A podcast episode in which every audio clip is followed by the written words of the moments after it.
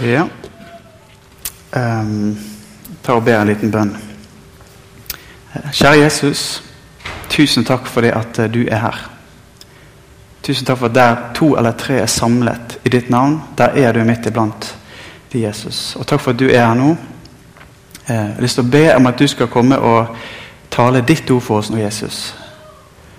Må det være sånn at vi får, no, får lov til å se et glimt av deg nå, Jesus. At du kommer og åpenbare ordet ditt for oss, alle sammen. I Jesu navn. Amen.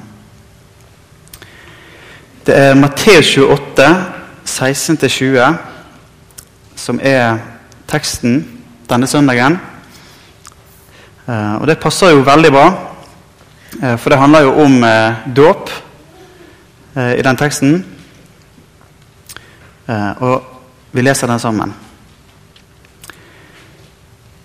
Men de elleve disiplene dro til Galilea, til fjellet der Jesus hadde sagt han ville møte dem.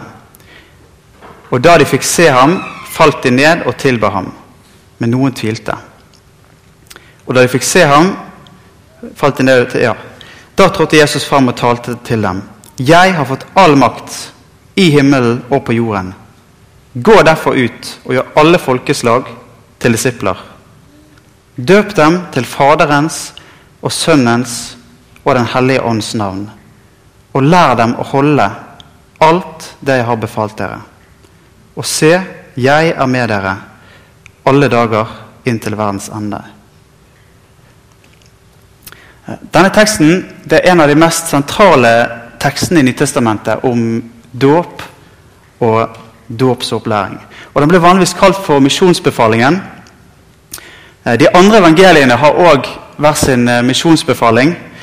Eh, det er en versjon av denne hendelsen eller en lignende, hendelse der Jesus gir misjonsoppdraget videre til disiplene sine. Um, og Du kan jo ha en sånn hjemmelekse til neste søndag og finne ut hvor de står. Det er altså i slutten av evangeliene, de tre andre evangeliene. Der er det òg en misjonsbefaling. Men det er denne her i Matteus som er den mest uh, kjente, mest siterte, og den vi ofte tenker på når vi snakker om misjonsbefalingen. Teksten begynner med at disiplene de drar til et fjell i Galilea, der Jesus har sagt at han vil møte dem. Eh, og Det er sannsynlig at det kan ha vært flere til stede enn disse elleve, ut ifra teksten. Men i hvert fall så hadde de en avtale med Jesus om at han, de skulle møte han på dette fjellet. Og Jesus han dukker opp i vers 17 der. Og reaksjonen til disiplene er at de faller ned og tilber Jesus. Når de møter Jesus, så faller de ned og tilber Jesus. Og Sånn bør det være for oss òg, tenker jeg. Når vi møter Jesus, så faller vi ned og tilber ham. Og I vers 18 så står det det at Jesus trådte fram og sa:" Meg er gitt all makt i himmel og på jord. Meg er gitt all makt i himmel og på jord. Eh, dette er et litt vanskelig vers. fordi at eh, Var ikke Jesus Guds sønn? Hadde han ikke all makt eh, hele tiden? Hva, jeg, hva, er det nytt med dette verset her? Men For det første så kjente disiplene Jesus som et menneske. De kjente Jesus som en som nettopp hadde blitt pågrepet pisket og drept på et kors uten å gjøre motstand. Eh, de kjente Jesus som Guds sønn, ja, men som Guds sønn som var blitt menneske. Som hadde gitt avkall på guddomsherligheten sin. Eh, og den makten som han hadde som Guds sønn i himmelen. Men Nå sier Jesus at den tiden er forbi. Jesus han har fått tilbake fra Faderen den makten som han hadde gitt avkall på. Men så har det òg skjedd noe helt nytt etter korset.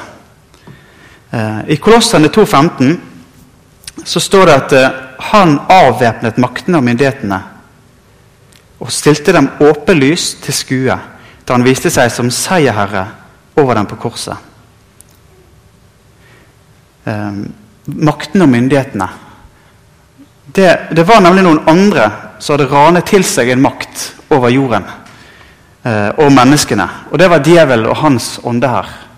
Det er disse maktene og myndighetene som det er snakk om. Og det gjorde det gjennom fallet til Adam og Eva. Og det er denne makten over jorden og over verden og menneskene som, som djevel tilbyr Jesus da han frister han i ørkenen. Djevel tar han med opp på et høyt fjell og tilbyr han alle verdens riker og herlighet. Med bare en liten hake. Han skulle falle ned og tilbe djevelen. Eh, og Fristelsen her for Jesus var å, å ta snarveien utenom korset. Um, men denne makten som djevelen hadde ranet til seg, det er den Jesus ved sin lydighet på korset vinner tilbake. Og det er denne makten som gjør at mennesker kan bli satt over fra djevelsriket og til Guds rike. Og Denne makten har vi som tror på Jesus, vi har fått del i det. Og det er det som er utgangspunktet for den befalingen som Jesus gir etterpå i vers 19. Der han sier Gå derfor ut og gjør alle folkeslag til disipler. I det dere døper dem og lære dem å holde alt det jeg har befalt dere. Um, og Nå er vi i kjernen av misjonsbefalingen. Det handler om at de skal gå ut. ikke sant? Um, I vår eh, norske oversettelse av misjonsbefalingen så er 'gå ut' den store befalingen. Sant? Gå ut og gjør disipler. Gå derfor ut. Men på grunnspråket, som er gresk, da er det faktisk ikke 'gå ut' som er den store befalingen. Um, jeg har ikke studert gresk, så jeg er nødt til å støtte meg litt på de som uh, har peiling på det. Men befalingen i den setningen på, på grunnspråket, det er faktisk ikke 'gå ut', men det er 'gjør disipler'. Uh, gå ut det står ikke i, i bydeform på grunnspråket, men det kunne heller vært oversatt med um, 'mens dere går ut', eller 'gående ut'. er det vel egentlig sånn direkte oversatt. Det blir jo veldig dårlig norsk. Med andre ord, mens dere går ut, gjør disipler. Uh, det ser nemlig ut til at Jesus han forutsetter det at de kommer til å gå ut. De kommer til å være på farten. Og Det som Jesus vil understreke, er at dere skal gjøre disipler. Og Hvis vi tar det litt inn i, i vår situasjon i dag, så gjør det kanskje det både enklere for oss, men også kanskje mer utfordrende. Fordi at det handler det plutselig om at der du er i hverdagen din, på jobben, på skolen, på Facebook, så skal du få lov til å være med og påvirke mennesker i retning av Jesus. For misjonsbefalingen er nemlig ikke gitt til noen få utvalgte. Den er ikke gitt til bare de elleve på fjellet. Den er ikke gitt til noen få misjonærer som har fått det store oppdraget med å krysse Norges grenser med evangeliet. Men Misjonsbefalingen er nemlig gitt til alle kristne, inkludert deg. Og Alle kristne har del i oppdraget med å gjøre alle folkeslag til disipler. Uansett hva slags nådegaver du har, hva slags oppgaver du har i forsamlingen, hva slags oppgaver du har i din hverdag, så er du inkludert i denne befalingen. Du har fått del i dette oppdraget med å gjøre disipler. Og så har Vi nettopp lest at vi trenger ikke å stresse så mye med det å gå ut. Fordi at vi er jo faktisk ute allerede. sant? Um, det er på en måte litt morsomt av og til hvordan vi kristne kan sitte Vi sitter inne i bygningene våre, og så snakker vi om at vi må gå ut. Um, og så er realiteten at vi er jo ute hele tiden. Vi er midt i misjonsmarken hver eneste dag. Um, vi faktisk vasser i muligheter til å tjene Jesus og være et lys for ham der som vi er. Så det handler ikke så mye om at du skal gå ut, men det handler mer om hvem du er der du er, når du er ute. Eh, for hvordan er det Du går kanskje ut fra forsamlingen en søndag formiddag. Men tar du med deg Jesus? Tar du med deg i hverdagen og virkelig regner med han? Jeg tror det at han er med oss uansett. Um, men er vi bevisste på det? Um, tror du det at han bor i hjertet ditt på en sånn konkret måte at han faktisk kan møte menneskene rundt deg? Gjennom deg. Gjennom dine ord. Gjennom dine handlinger. For det kan han faktisk gjøre, og det vil han gjøre hvis du lar han få lov til det. Um, datteren vår på fire år, Raki Karoline, hun har fått med seg dette med at Jesus bor i hjertet hennes. Så sier hun av og til at eh, jeg skulle ønske at Jesus kunne komme ut av hjertet mitt, sånn at jeg kunne se han. Hun har så lyst til å se Jesus. da. Um, vet du hva? Jesus han ønsker å komme ut av ditt hjerte, sånn at andre mennesker kan få lov til å få se Jesus. Gjennom dine ord, gjennom dine små, gode gjerninger så kan andre mennesker få se Jesus. Og Du er faktisk en misjonær. Ikke kanskje i den gamle betydningen, men en misjonær det betyr utsending. Og du er sendt av Gud. Du er sendt av Gud til de menneskene som du har rundt deg. Du er sendt av Gud med et oppdrag til de menneskene som han har satt deg til. Så at han kan få lov til å vise de hvem han er, gjennom deg.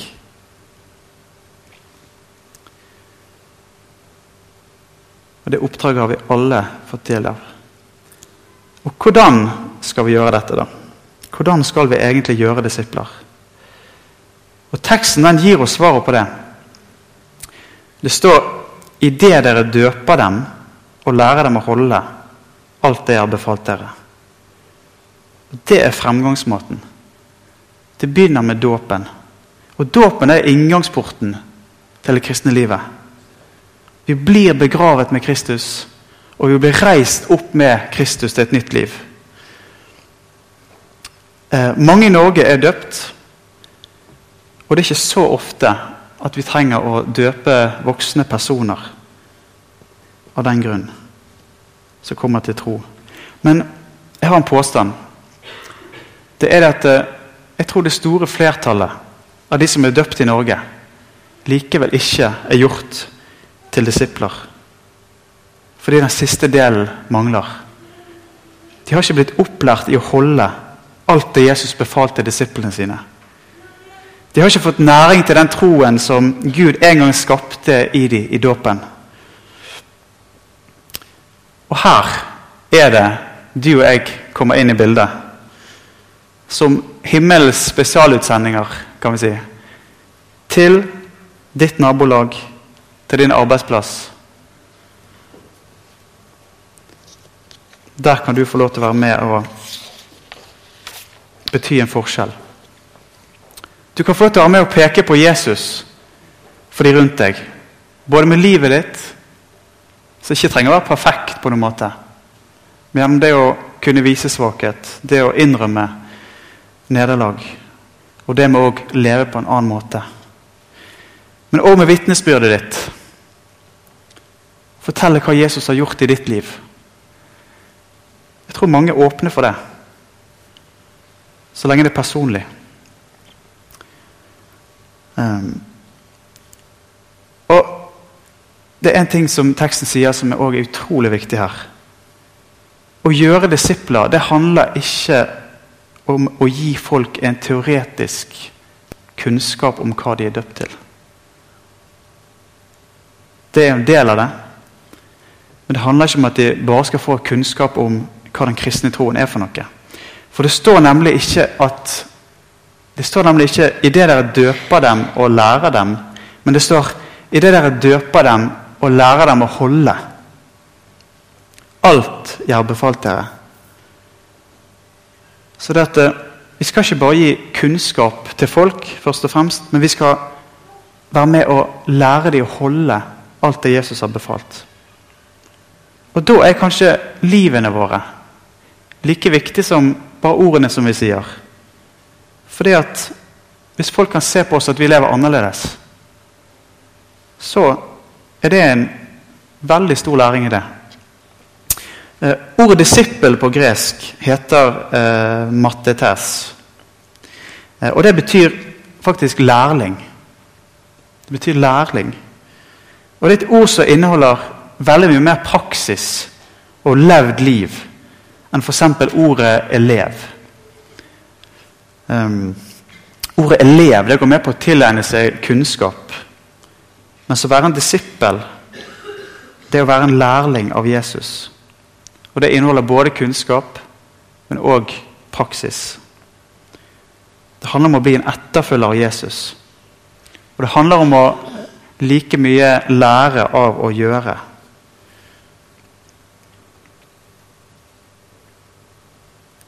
Det handler om et liv i etterfølgelse og lydighet til Jesus og det han har befalt. Det handler om et liv med Jesus som Herre, der han skal få lov til å bestemme.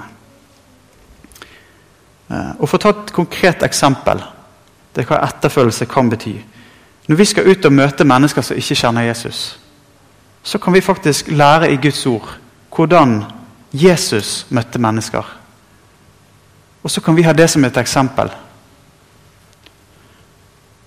For jeg tror det at å følge Jesus, eh, det er ikke noe abstrakt. Jeg tror det er veldig konkret. Jeg tror det handler om veldig konkrete valg som vi gjør i hverdagen vår. Og Så til dere dåpsforeldre. Eh, nå er deres viktigste jobb og ansvar i livet å lære Magnus å holde alt det som Jesus har befalt.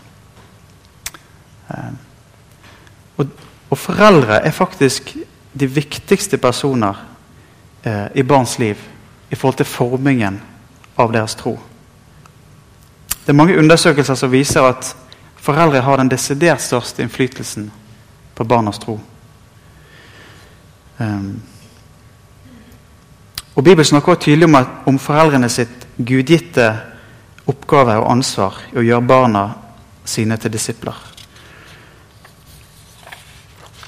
I 5. Mosebok eh, 6, 4-9 Der står det Hør Israel, Herren er vår Gud. Herren er én.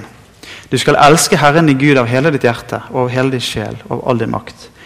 Disse ordene som jeg pålegger deg i dag, skal du bevare i ditt hjerte. Du skal gjenta dem for dine barn og snakke om dem når du sitter i ditt hus, når du går på veien, når du legger deg og når du står opp. Du skal binde dem om hånden som et tegn og ha dem på pannen som et merke. Du skal skrive dem på dørstolpene i huset ditt og på portene dine.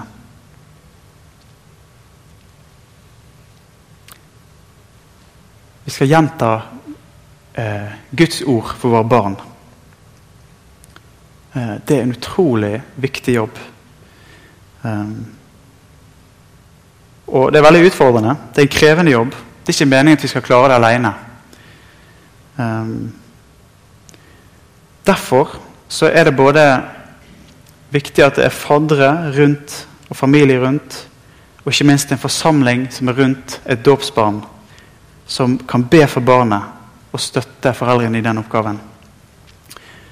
Um, det er et uh, afrikansk ordtak som heter It takes a whole village to raise a child. Jeg tror at selv om et barn uh, trenger kristne foreldre, og det er det viktigste, så tror jeg òg at det trenger et større fellesskap der troen kan få næring. Og foreldrene trenger et fellesskap for å bli utrustet til den oppgaven som de har. For det å være disippel det er nemlig ikke noe vi kan klare på egen hånd. Det er faktisk et fellesskapsprosjekt der vi lærer av hverandre, der vi blir utrustet og oppmuntret av hverandre til å gå ut i hverdagen vår og følge Jesus. Og være med å gjøre disipler der vi er. Både i vår egen familie og blant de som ikke tror ennå. Og så avslutter misjonsbefalingen med å se 'Jeg er med dere' alle dager inntil verdens ende. Sånn, han begynte med 'Meg er gitt all makt i himmel og på jord'. Jesus han er både først og sist her. Det er Jesus som gir de oppdraget med sin makt. Og så sier han òg at han er med. Jesus han er med i oppdraget.